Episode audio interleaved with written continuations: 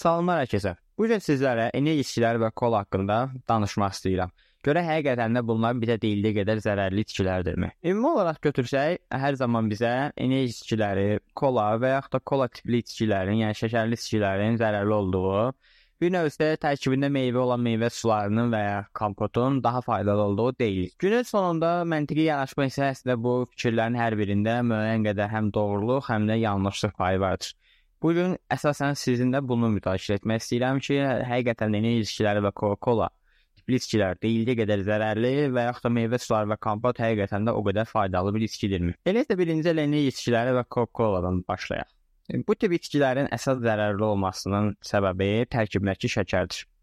Müəyyən qədər Coca-Cola-nın tərkibi ilə bağlı bir çox komplo teorisi deyək mövcud olsa da, günün sonunda hər bir ambalajın ambalajının üstündə, yəni ümumi olaraq paketinin Coca-Cola butulkasının üstündə tərkibi yazılır. E, yəni düşünürəm ki, bu tip şeylərə o qədər də fikir verməyə ehtiyac yoxdur. Orada nə yazılıb, ona əsasən yola çıxmaq daha məntiqli olar. Yəni tərkib haqqında danışanda. Yəni isə gücü var, yox bizi öldürür və s. tipli yanaşmalar biraz xurafat olar. Ümumi olaraq götürdükdə Coca-Cola həqiqətən zərərlidir. Amma bunun səbəbi bayaqda bildiyim kimi tərkibində bizə məlum olmayan qidaların olmağı deyil. Söz əvvəl əsas səbəbi ki, tərkibində şəkərin olması, yəni günün sonunda zərərli olan şey şəkərdir. Bundan başqa enerji içkilərlə bağlı da bir çox e, bir növ tam elmi olmayan fikirlər vardır, hansı ki, onların da zərərli olması ilə bağlı. Enerji içkiləri zərərli olmasının səbəbi də yenə də şəkərdir. Yəni ümumi olaraq içkilərin, hər hansı bir içkinin sizə zərərli olmasının səbəbi, yəni mağazada satılan içkilər əgər sizə zərərli deyilsə, bunun əsas səbəbi sadəcə və sadəcə şəkərdir və yaxud da yəni, onun içində çox da wow bir şey axtarmaya ehtiyac yoxdur.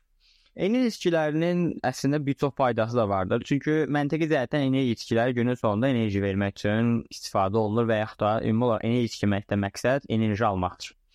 Son vaxt enerji içkilərinə ə, mən uşaqlıqdan bəri bunu etmişəm ki, uşaqlara enerji içkisi verməyin. Ümumi olaraq onsuz uşaqlara enerji içkisi verməməliyik. Çünki bunun üstün onsuz da bütün ambal əsl enerji içkilər hər bir ambalajın üstünə yazılıb ki, 18 yaşdan yuxarı fərdlər üçündür. Bunun bir çox səbəbi və əsasən də tərkibinə görədir. Çünki tərkibində çox yüksək kofein var. Amma ümumi olaraq əgər e, biriləri deyəndə ki, enerji içmə, ürək döyüntüsünü artırır falan, əslində buna qədər də fikir vermək lazım. Çünki məntiqi cəhətdən onsuz da məqsəd odur.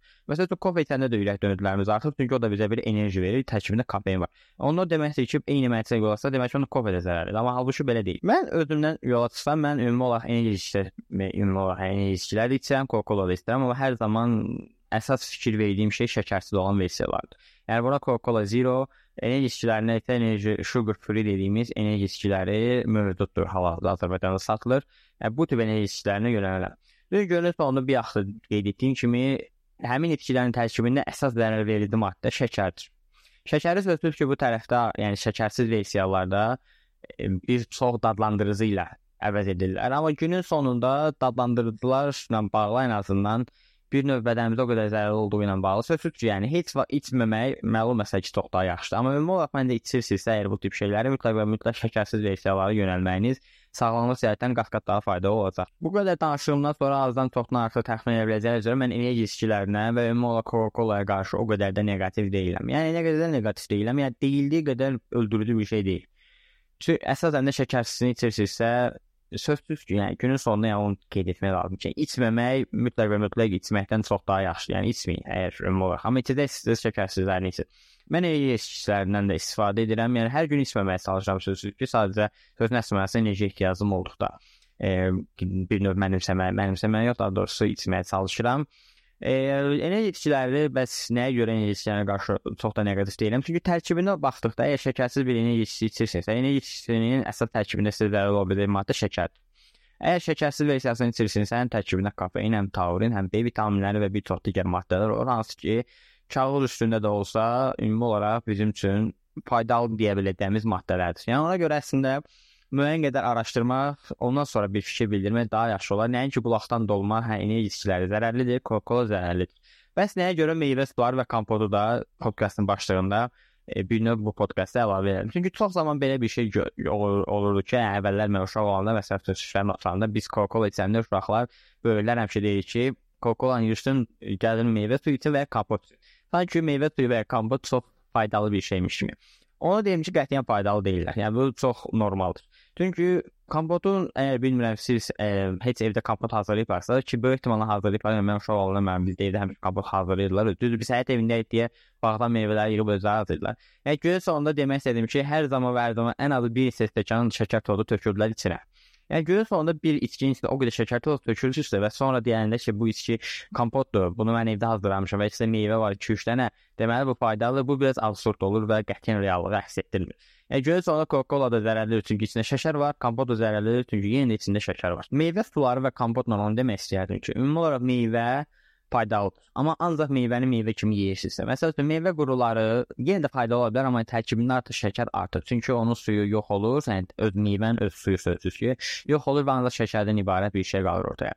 Kompot və ya ümumi olaraq meyvə məsəl üçün deyək ki, portağal almısınız və portağal sadə suyunu sıxırsınız və içinə heç bir şey əlavə etmirsiniz, yenə də əslində meyvədən tam bir fayda almırsınız. Çünki meyvənin əsas lifli olan hissəsi, yəni faydalı olan, bizi tox tuta biləcək, bizə daha çox vitamin verə biləcək hissəsi meyvənin özüdür, suyu yox.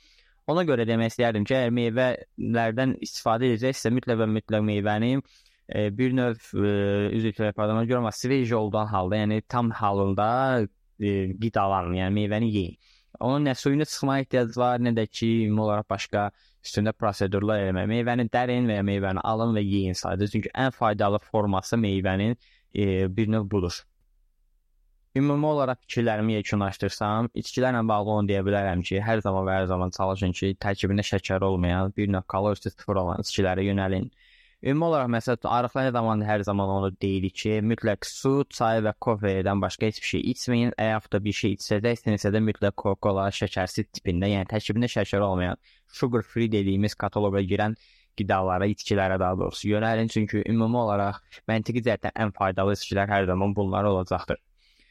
Podkastımızın bu epizodundan bu qədər. Məni sosial media platformalarında izləməyi unutmayın. Hələlik görüşərik.